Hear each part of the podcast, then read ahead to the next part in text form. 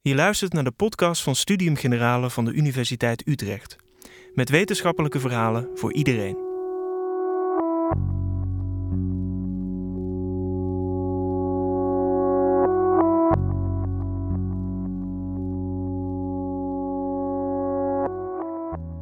For the past few decades, superheroes have dominated American popular culture. Their powers push the boundaries of what is scientifically possible. Physicist Barry Fitzgerald studies how realistic superhero movies are.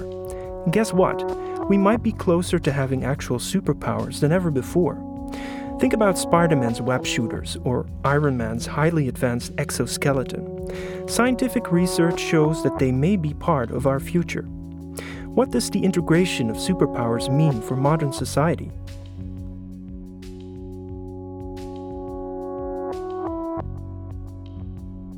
So, as I said, thank you very much for the very nice introduction, and thank you very much to Studium Generale uh, to have me here in Utrecht. It's my first time in this amazing uh, venue, so I hope you're all going to enjoy the talk that I'm going to give you today, which is going to be about the secrets of superhero science. But in order to get you all, let's say, in the zone and in the superhero superhero mode, I'm going to have everybody have a very, very quick look at this. So that was a trailer for Spider-Man: Homecoming. And uh, that film is going to be out in July. And I got to say, I'm really, really excited about it. Now, this is the third version of Spider Man. I'm sure some of you have seen Spider Man with Tobey Maguire from the start of the last decade. And then there was Andrew Garfield at the start of this decade as the second reincarnation of, of Spider Man.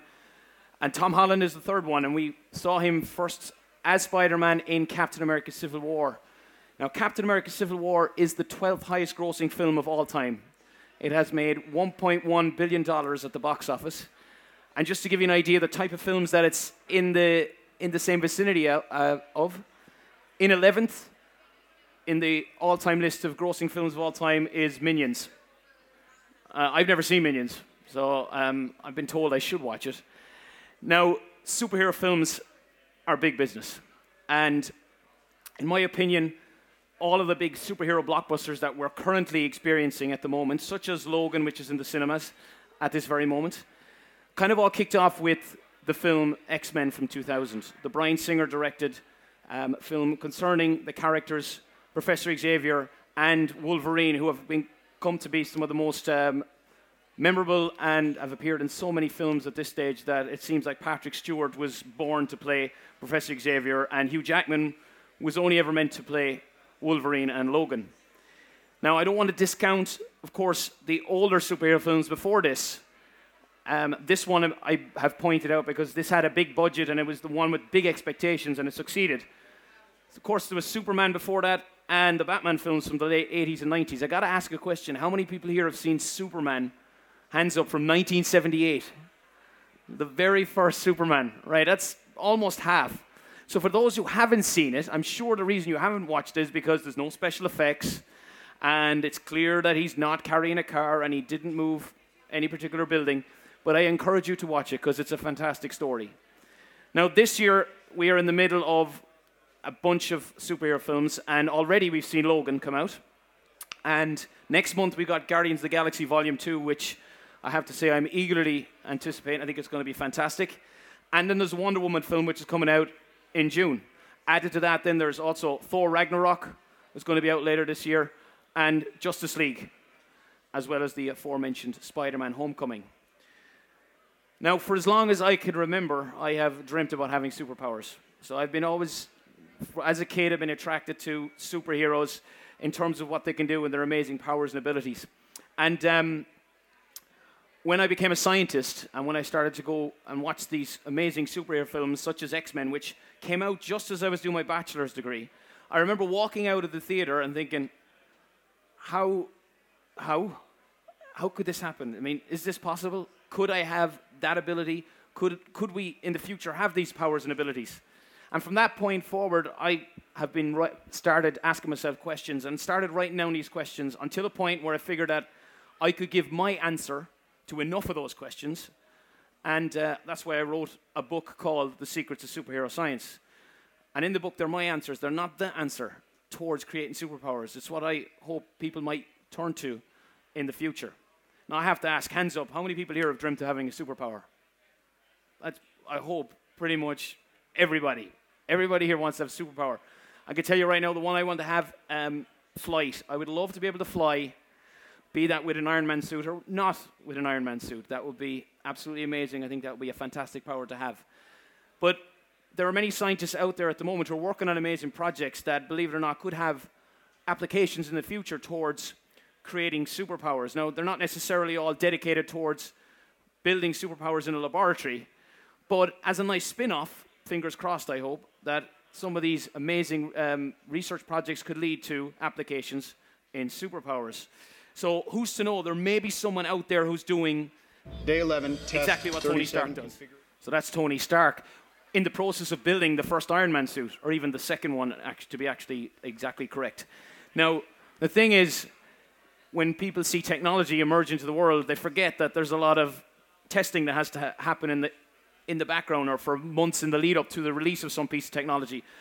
Tony Stark just didn't invent the Iron Man suit in one day. He had lots of problems, and this is uh, one of the one of the scenes demonstrating some of the testing that he had to put into designing and creating this technology. Now, Tony Stark himself built the Iron Man suit. That's a power that he has b- built a technology that he can put on, and he can do things that we don't see in the everyday world. But the other three characters on this slide, which are Storm from the X Men, the very, very memorable Colossus, who is one of my favorite characters from Deadpool, and Sue Storm, the Invisible Wom- Woman from Fantastic Four, they have their powers in a completely different way than Tony Stark. And it comes down to what's inside of them. It comes down to their DNA and their genetic ma- makeup. In some way, their DNA is different from ours, and that's why they have their powers. In the case of Storm and Colossus, they have genetic code in their DNA, which we don't. That's the simple explanation that is given in the comic books. And to, to kind of uh, elaborate on that, when Stan Lee was coming up with the X Men, he had um, wanted to make the origin story stuff easier for himself because every time he introduced a hero, he had to come up with a plausible origin story. So he decided to just introduce a band of characters and say they're all mutants. There we go. So that's the explanation for everybody that appears in the X Men universe. Now, uh, the Invisible Woman, she gets her powers depending on which version or which film you've looked at or which comic book, um, using interdimensional travel, or in the very first film, it was cosmic rays and uh, exposure to those. And I can tell you right now, if anybody suggests you go on holidays to catch some cosmic rays, politely refuse, because they will not give you superpowers. They will most definitely kill you. So do not, uh, do not accept that invitation. Now, the reason that the X Men have their powers, such as Wolverine, such as Storm and Colossus, is because their bodies are producing proteins that we don't. And the reason they produce these proteins is because it's in their genetic code to produce these proteins. And we don't have that particular piece of genetic code. So everybody in this room has got some sort of uh, has, has DNA, and their DNA is in some way. Everyone here is different. So everyone is unique, and your DNA, on the very very smallest scale, is different from everybody else. So if the X Men's DNA is different from ours, could we make our DNA like the X Men's? So the question I'm asking is that could we include the X gene, which is the gene behind the powers of many of the X Men characters, in fact, all of them, of course, in our own in our own DNA? And of course, the secondary question is, would we want to? Well, the first thing we have to address is, do we have a tool out there that can actually allow this and help us to do this? And the answer is, at this very moment, yes, we do. We have one that's very, very, uh, um, very, very popular, and a lot of people are using it at the moment. It's called the CRISPR-Cas system. And the CRISPR-Cas system, what it does fundamentally is, is it cuts your DNA at specific locations. And it will do that for two reasons. First of all, it could be used to destroy genes associated with diseases, such as blood disorders or cancers. Secondly, you might want to remove a gene and insert another gene in its place. So let's imagine a distant future where we have overcome ethical, political, governmental policies in relation to the genetic modification of humans, and you have at your disposal the CRISPR Cas system and a library or a collection of all of the superhero genes that you've seen in the superhero films. Potentially, the CRISPR Cas system could be used to merge those to allow you to produce or engineer people like the X Men. Now, of course, I will highlight this again. This is all very, very uh, eth- ethically controversial, so that would have to be addressed before we ever do that. But the CRISPR Cas system has already been used to change other things because we're not the only species on this planet that has DNA. So, for example, in the United States, a group has changed a mushroom using CRISPR Cas so that it never goes brown, ever. So that when you go to, to the shop, it always looks white, it always looks fresh. Of course, then it begs the question how do you know when it's not fresh, if it's not going brown? Another group have taken the CRISPR Cas system and modified the DNA of zebrafish so that instead of growing uh, fins, they grow limbs. And this is how powerful this technique is. So, for that particular applications, they can get full ethical approval, of course, for this research. But once we start to go towards people, it's going to be a different story. But imagine we have all of that. Maybe you wanna, might want to do the following. This is a really recent paper. I, I, I believe it's only published in the last uh, few weeks. And it's about uh, natural fluorescence in frogs. And they've identified the molecules behind this fluorescence. So, fluorescence is when something absorbs wavelength at a low wavelength and then it re emits it at a higher, a higher wavelength. And this frog appears to fluoresce and give off ultraviolet, ultraviolet wavelength.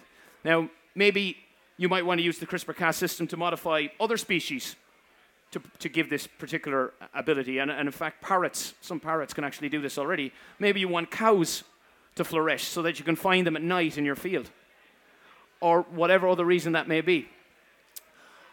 But getting back to the idea of and actually putting a power from one of the X Men, we can turn to salamanders. Now, last year there was a paper published in One where they identified the RNA sequences behind the regenerative powers of salamanders. So, salamanders is a species that if you chop off their tail or their legs, they'll grow back. In time, of course, not instantaneously, but over time.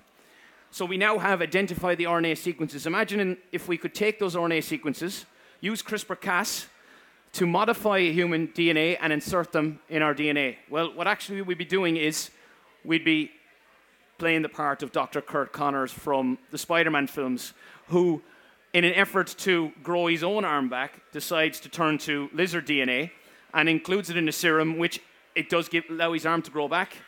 But he, in, in the end, he actually turns into a giant lizard. So he didn't really account for that, uh, that little side effect. So clearly, this is an example to demonstrate that there is a side effect of this approach. But because salamanders can regenerate, we have our source of this regeneration gene. So maybe we can use CRISPR Cas in the future to accelerate human uh, ability, the human ability to recover from injuries so that we can regenerate and heal faster. Maybe not to the extent of Wolverine, who is seen healing within a matter of seconds when he's shot by bullets. So he could be shot by a bullet, and within 10 seconds, his body has rejected the bullet and it has healed over the wound completely, and it's as if he has never been penetrated by the bullet. So maybe that's a little bit far off. But this is the type of length scale that we're dealing, at, dealing with. This is, anybody know? Anybody have an idea what the red things are in this image? Anybody? Yes, somebody said blood cells. They are indeed blood cells. So they're not just any blood cells, they're my blood cells. So um, I have some friends who work in Maastricht. They're researchers in regenerative medicine, but they're also in bioart. And they took a sample of my blood and they put it uh, through an SEM and they took this image. Also, in, in this image, which I really, really liked, you can see my white blood cells. So that's my good guys fighting the bad guys trying to invade my body. And all of this is on top of spider silk. And that's why the colors are red, blue, and white, trying to capture the colors of a Spider Man suit. But the scale that we're looking at here, red blood cells is about seven micrometers, which is about seven millionths of a meter. So that is the scale that we need to look at and manipulate if we want to create the X Men and produce these proteins in the future if we want to have the powers of the X Men. But this is the biological route, and there is a technological aspect to it. But now, what I'm going to show you is a number of technological paths to superpowers. So, if we didn't want to have to modify the DNA of somebody? What if we just said, you know, I want to generate a technology that will give me a power? And that's Iron Man in Iron Man 2, putting on his Iron Man exoskeleton suit at the Monte Carlo event. And this is what I'm talking about in terms of creating technologies to give us superpowers. And I'm not talking about 50 years, 100 years into the future. I'm talking about in the next 10 years. And in this case, you don't necessarily maybe have to deal with the same level of ethical issues that you would when you're doing biological um, ed- editing or genetic modifications. But again, of course, you have to take the safety of the wearer into account naturally. Now, invisibility is a power I'm sure that many people would like to have. I remember the first time I gave a talk, I, I wanted to be invisible, or I wanted the audience to be invisible, at least so that either way we couldn't see each other. That's how nervous I was. Now, invisibility, some people think, is a, is a dream, it'll never happen. But the key to invisibility is this if you just stop light, reflected light from an object reaching your eye, then you shut down the biological process that is vision and sight. Because once the light enters your eye, it hits the retina, generates electrical impulses, which travel down your optic nerve into your brain, into, the, into your brain, where it then is interpreted as an image and allows you to see. But if you prevent the light from getting to this point in the first place, then you've cracked invisibility. Now, the next image I'm going to show you is not photoshopped. This is a PhD student, he may have actually graduated at this stage, from the University of Rochester, and they developed an invisibility cloak, which is called, they call the Rochester cloak. The instructions are on Wikipedia to build it. So if you want to build it, jump onto Wikipedia and you can find it. And this is a real invisibility cloak. I have not photoshopped this image. This is a real, real image. And what they did was they, they cracked invisibility in a very simple way. They'd said, well, you know what, let's use common optics. So lenses like the lenses of my glasses or the lenses that are in your eyes. And they took four lenses and arranged them in a particular configuration. And when they do that, it allows them to make some object appear like it is not there or to create a cloaked region allowing you to cloak part of a particular object. So in this case, it's been used to cloak part of the, uh, of the student's face. And in the paper itself, and there's all the details for the paper, there's the title if anyone wants to read it. I've read the paper, it's, it, it stands up scientifically. There's another example on the right hand side where they just took a hand and they put it through, the, uh, through this configuration of lenses. Now, of course, as a good scientist, you want to test this. So I said, you know what, I'm going to build this invisibility cloak. Because to build it would cost you about a thousand euros. Okay, it's, it's, it's, it's, expensive, but not as expensive as you might think. And I did that, and I built it uh, two months ago. And I, had, and I showed this at a, at a particular config, uh, conference in Veldhoven. And um, what we did was we set up this configuration of lenses. You'll notice there's a Lego bridge in between two of the lenses, and there's a green part at the center of that bridge. And then at the end of the, the lens, the, the, behind the last lens, you see an Ant Man figure. One of those Ant Man fun- uh, funky figures, Funko figures, the big giant head. So I wanted part of his head to be covered by the bridge, but when you look through the lenses, you should be able to see that part of his head. And that's exactly what, what we found. And I was very happy to see that. So I've proven that, that what they showed in the paper holds up. Now, you might be thinking, well, that we're still a long way off actually having an invisibility cloak with this technology, and I completely agree with you. But imagine if you went to the year 1903 and Orville Wright had just, had just come off the Wright Flyer 1 after flying a height of 10 meters in a field for a distance of 60 meters, and you walked over to him and you shook his hand and you said, Orville, that's amazing. Congratulations. You must be exceptionally proud of what you've just done. Because in less than 70 years, because of what you did today, man is going to walk on the moon. What do you think? Is he going to laugh at you? Would he? I don't know. Would he think it was obscure and preposterous? Maybe. But imagine a future in maybe 20, 30, 40, 50 years' time that there is a suit that you can wear that is made of four optical lenses, and when you wear that suit, it allows you to be invisible. Now, Spider Man has many incredible powers, and one of those is his spider silk. So I'm going to have a, a little footage here just to show you him using the spider silk. One of the best things about that clip I really love is that Spider Man, who's a superhero, just admitted to Captain America, who's also a superhero, that he's a fan of Captain America. Uh, I kind of I do like Captain America, so I, am I'm, happy to hear that Spider Man, who's a superhero, also likes uh, Captain America and what he does. Now, spider silk, as used by Spider Man in the films, is a protein and it's also one of the toughest natural materials on the planet. It's actually tougher than Kevlar, which is the traditional material that's used in bulletproof vests. So, if we wanted to use spider silk as an alternative for bulletproof materials, well, then we have to make sure we can produce enough of the stuff. Now, I don't think it's practical to set up a factory with a million spiders and to extract spider silk from those million spiders round the clock. I'm not sure you'll actually collect enough of the spider silk to do that. So, about, I think about 15 years ago in the United States, some scientists came across a very, very viable solution. They created a spider goat. Now, what is a spider goat? Well, a spider goat is a genetically modified goat that has been modified in such a way that when you milk the goat, it produces not only milk, but also the protein behind spider silk, which can then be extracted from the spider silk, electrospun into the traditional strands of spider silk, and then used for whatever application you want. And by the way, I should also point out that it is perfectly healthy to drink the milk. Absolutely, it is. Milk is a protein. Spider silk is a protein. They're both natural products. It's not toxic. I always like to point that out because a lot of people are disgusted by the idea of drinking milk from a spider goat. Now, this spider silk has been used to create bulletproof spider silk skin. This is Jalila Essaïdi. She's from BioArt Laboratories in Eindhoven. And a number of years ago, she was working on a project and developed a project with the, with the aim of creating a material consisting of human skin cells and spider silk that's bulletproof. And they succeeded. So when they built it, they found that it is bulletproof to low velocity bullets. So velocity bullets about 170 meters per second. When they went to the higher velocity of traditional rifles, which is 329 meters per second, they found that, well, it goes right through.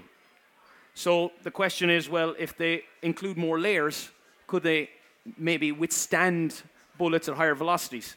And just to demonstrate the bullet being stopped by the skin, here it is.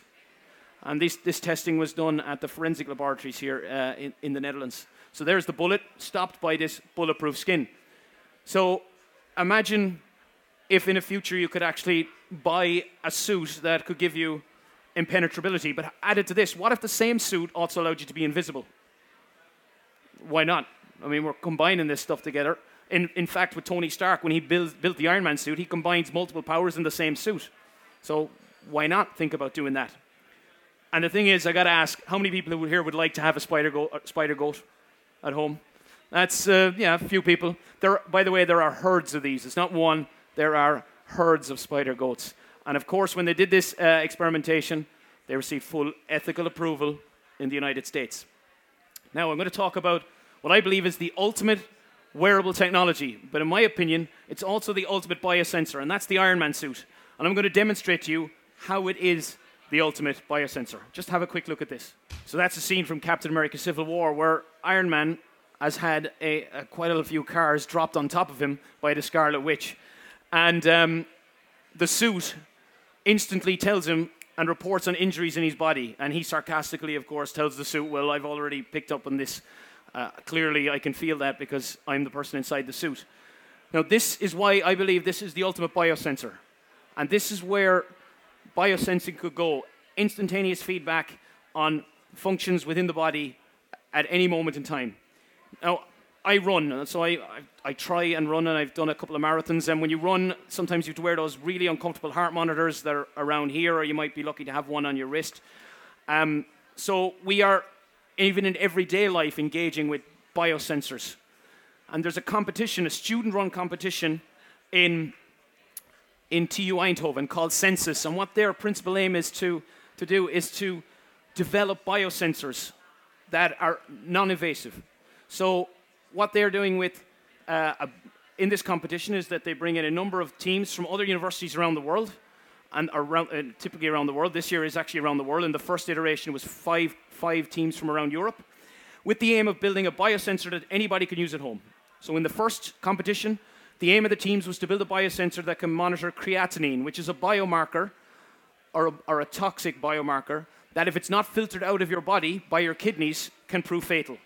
So, for those who have, for example, kidney issues and want to get continued monitoring of, of, of their function of their kidney, what better way to do it than at home, in the comfort of the home, and by themselves using a trusted and reliable method?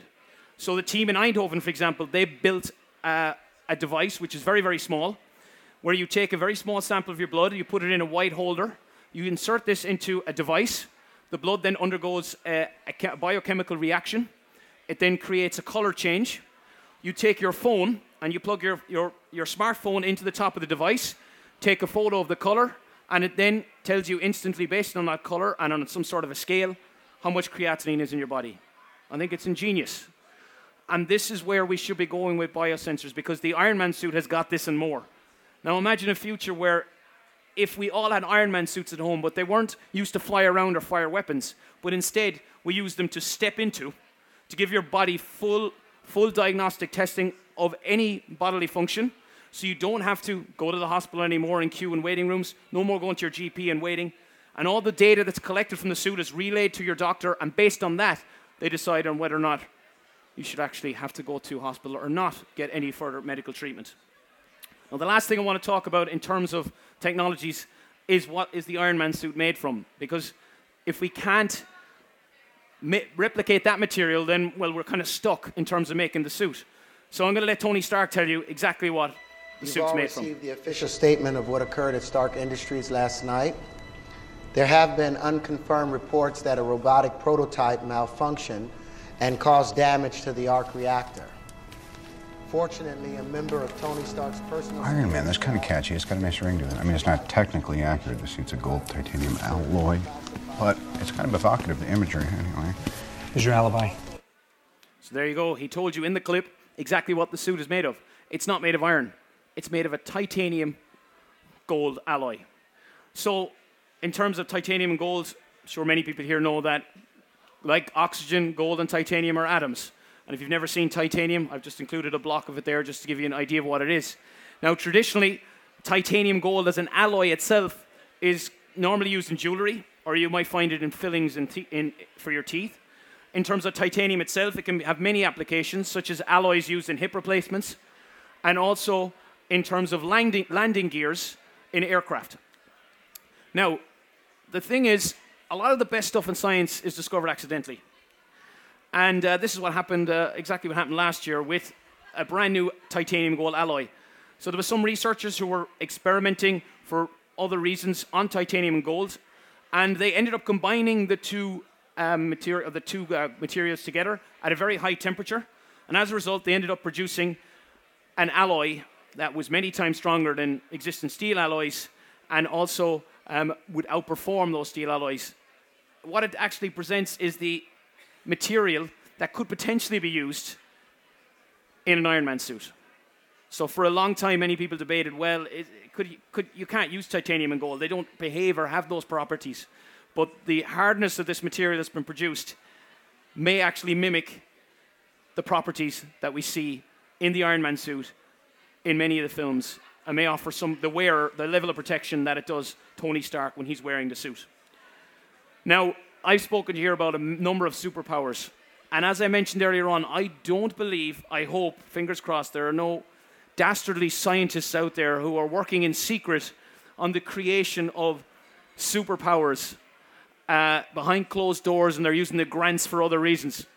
But what I firmly believe is that as a scientist, our duty is to do constructive research that can benefit mankind and benefit society.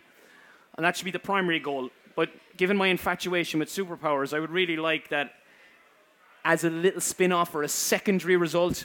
Wouldn't it be fantastic if we had superpowers in the real world thanks to current scientific research that's happening right now?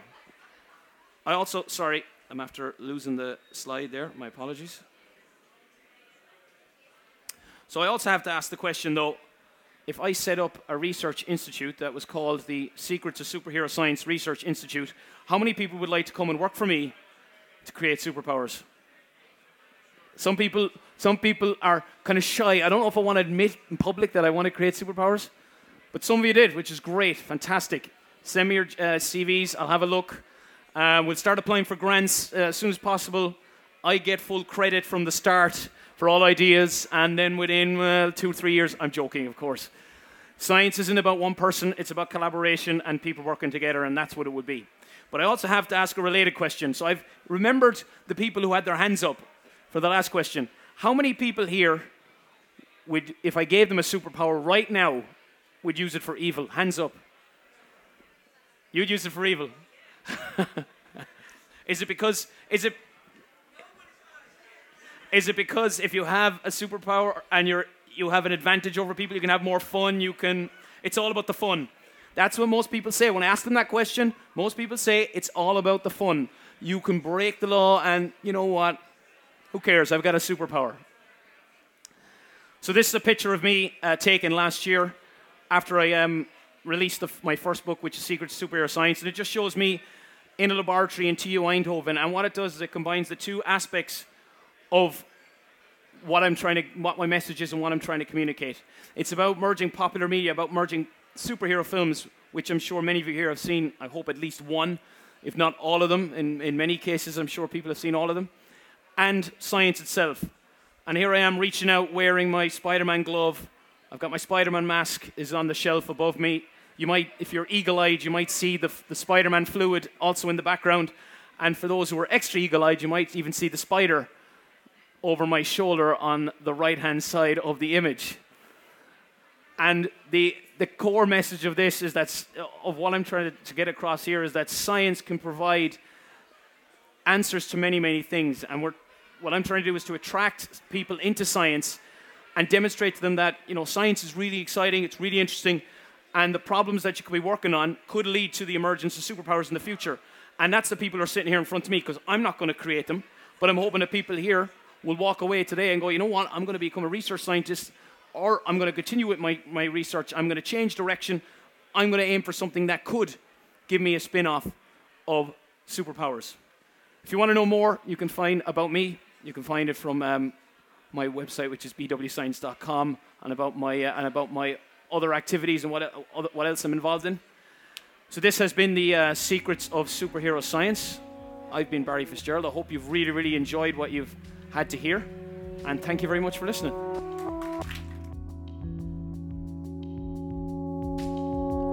Dit was de podcast van Studium Generale van de Universiteit Utrecht. Wil je meer lezingen luisteren? Check dan de playlist op Spotify en iTunes. Of ga naar onze website sg.uu.nl/podcast.